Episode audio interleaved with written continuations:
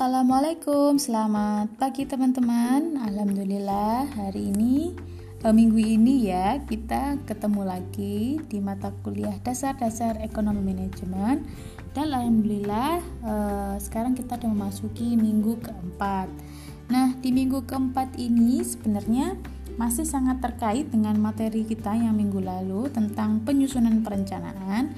Nah di minggu ini kita belajar tentang uh, proses pengambilan keputusan. Nah, sama seperti juga minggu lalu, mungkin ini adalah uh, materi yang sebenarnya teman-teman alami setiap hari ya uh, kenapa sih kita itu harus mengambil keputusan ya kan? Karena sumber daya yang kita punya itu terbatas sehingga kita tidak bisa mengambil semua pilihan. Jadi misalkan uh, teman-teman pagi ini ya kan punya uang 20.000 untuk makan gitu ya teman-teman kan ada banyak pilihan tuh. Mau 20 ribu dihabisin untuk makan pagi sehingga nanti makan siangnya biasa-biasa aja atau makan paginya ya udah yang biasa aja supaya nanti bisa makan siangnya lebih enak. Nah itu kan e, ada proses pengambilan keputusan Nah, itu kalau dalam lingkup individu ya. Nah, gimana kalau dalam lingkup perusahaan yang ruang lingkupnya lebih besar ya kan masalahnya pasti lebih kompleks, kemudian eh, pasti melibatkan banyak orang dengan banyak pemikiran. Nah, kalau yang individu tadi bisa kita memutuskan dengan mudah dan cepat ya. Tapi ketika dalam ruang lingkup perusahaan ya kan pengambilan keputusan itu bisa sangat uh, panjang prosesnya gitu. Tapi dengan adanya cara-cara dalam mengambil keputusan itu akan meminimalkan resiko keputusan yang kita ambil itu akan merugikan bagi perusahaan. Oke, okay.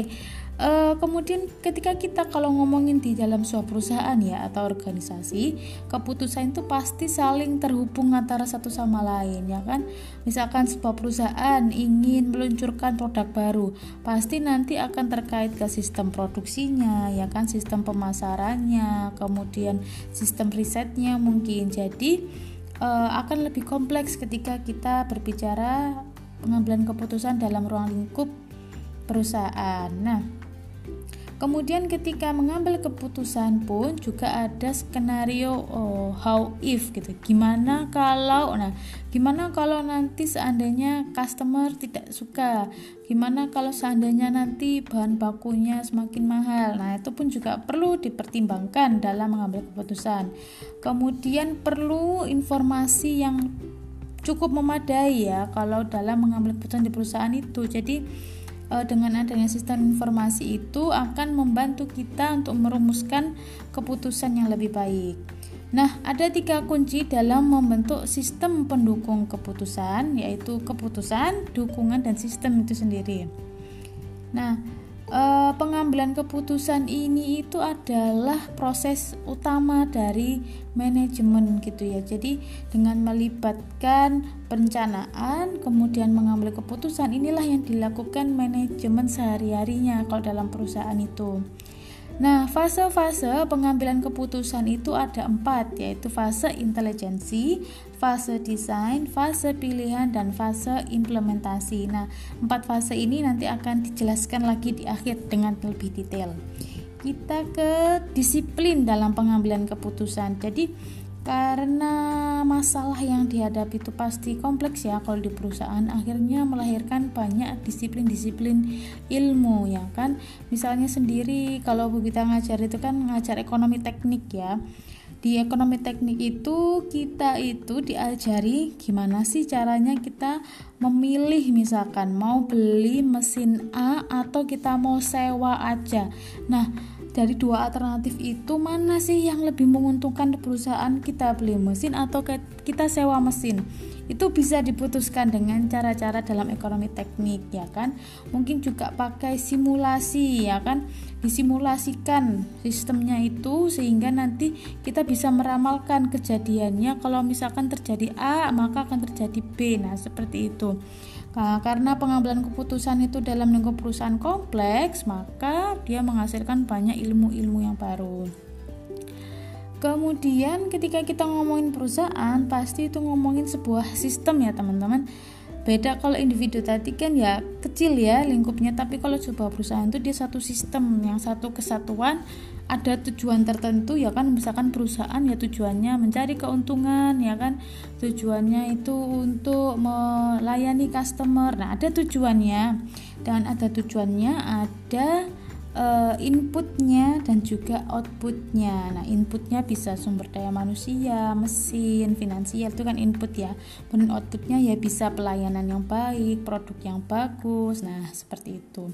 Penghasilan nah itu termasuk juga output ya Kemudian kalau kita ngomongin sistem juga di luar sistem itu sendiri pasti ada lingkungannya ya kan? Lingkungannya itu hal-hal di luar perusahaan yang sangat mempengaruhi perusahaan dalam mengambil keputusan bisa customer ya kan? Bisa kompetitor bisa pemerintah ya kan? Kalau pemerintah mengeluarkan kebijakan tertentu pasti akan berdampak pada keputusan yang diambil oleh perusahaan. Kemudian stakeholder yang lain ya kan? Begitu. Nah eh, sistem pun ada yang sistem terbuka dan sistem tertutup. Nah kalau kita ngomongin sistem, itu kita itu ada dua kinerja utama yang diukur yaitu efektivitas dan efisiensi. Nah, apa ya bedanya ya teman-teman ya? E, ini paling sering kita omongin tapi mungkin banyak yang e, bingung ya bedanya apa, efektivitas atau efisien, efektif atau efisien. Nah, Contoh paling gampangnya itu kayak gini teman-teman ya. Kalau di PPT kan contohnya tentang menggunakan mobil ya kan. Ada contoh lain seperti ini. Misalkan di sebuah rumah itu ada tikus ya kan. Nah, kita itu bisa tuh ngebunuh tikusnya itu pakai bom ya kan. Efektif ya kan, tapi tidak efisien. Nah, Tikusnya memang mati kalau pakai bom, tapi kan tidak efisien karena memerlukan energi dan mungkin uang yang lebih besar ya kan. Maka efektif itu artinya harus mencapai tujuan. Jadi tujuan kita kan membunuh tikus ya tercapai memang efektif. Nah, efisien itu adalah menggunakan input seminimum mungkin. Nah, inputnya itu bisa bahan baku, bisa mesin, listrik, ya kan uang itu seminimum mungkin itu baru bisa dikatakan efisien. Nah, ketika kita mengukur suatu keputusan itu juga yang paling dianalisis atau dievaluasi apakah keputusan itu sudah efektif dan efisien untuk perusahaan. Nah, eh, kita masuk ke yang selanjutnya yaitu sistem pendukung keputusan. Sistem pendukung keputusan ini ada tiga: sistem manajemen, sistem eh, sistem fisik, sistem manajemen, dan kemudian sistem informasi. Nah, ini mungkin eh, teman-teman sudah cukup familiar ya kalau sistem fisik ya pasti yang fisik ya terlihat ya mesinnya, bahan baku, energi, informasi dan sebagainya kemudian sistem manajemen ini biasanya kayak sistem manajemen keuangannya ya kan kebijakan-kebijakan yang dikeluarkan.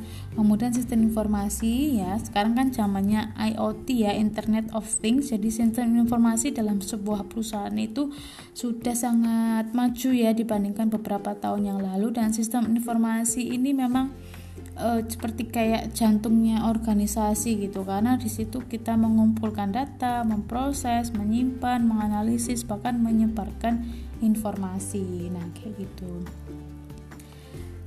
Ke kemudian ada beberapa model dalam mengambil keputusan yaitu model ikonik, model analog, model matematika. Nah, ini teman-teman nanti bisa uh, dipelajari sendiri. Nah, kenapa sih kita itu harus memodelkan ya dalam mengambil keputusan? Itu mungkin pertanyaannya ya.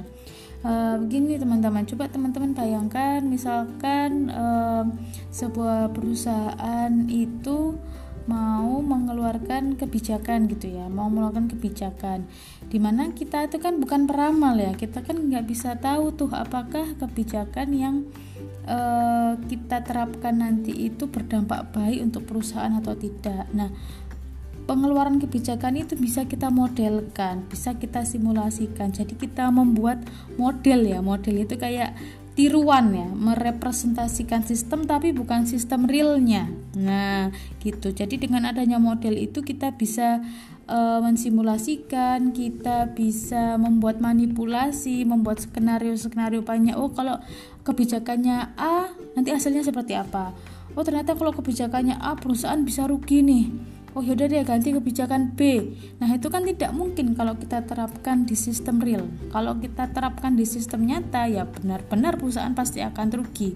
Tapi dengan adanya bantuan model ya kan model pengambilan keputusan kita nggak perlu menerapkan itu di sistem real dulu. Kita terapkan dulu di modelnya sehingga kita bisa tahu nanti hasilnya seperti apa. Nah model ini nanti pun juga dia lebih cepat ya kan? Misalkan kita kepingin tahu dampaknya lima tahun lagi. Nah dengan adanya model itu bisa kita buat singkat kita buat kompres gitu ya dalam hitungan jam ataupun menit. Nah seperti itu. Kemudian biaya untuk membangun model pun lebih kecil dibandingkan kalau kita harus menerapkan bisnis tersebut secara langsung.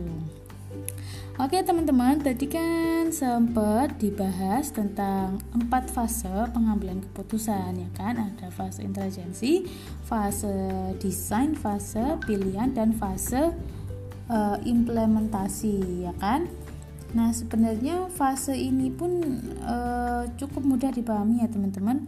Kalau fase intelijensi itu kita seperti mengidentifikasi masalahnya itu apa gitu ya.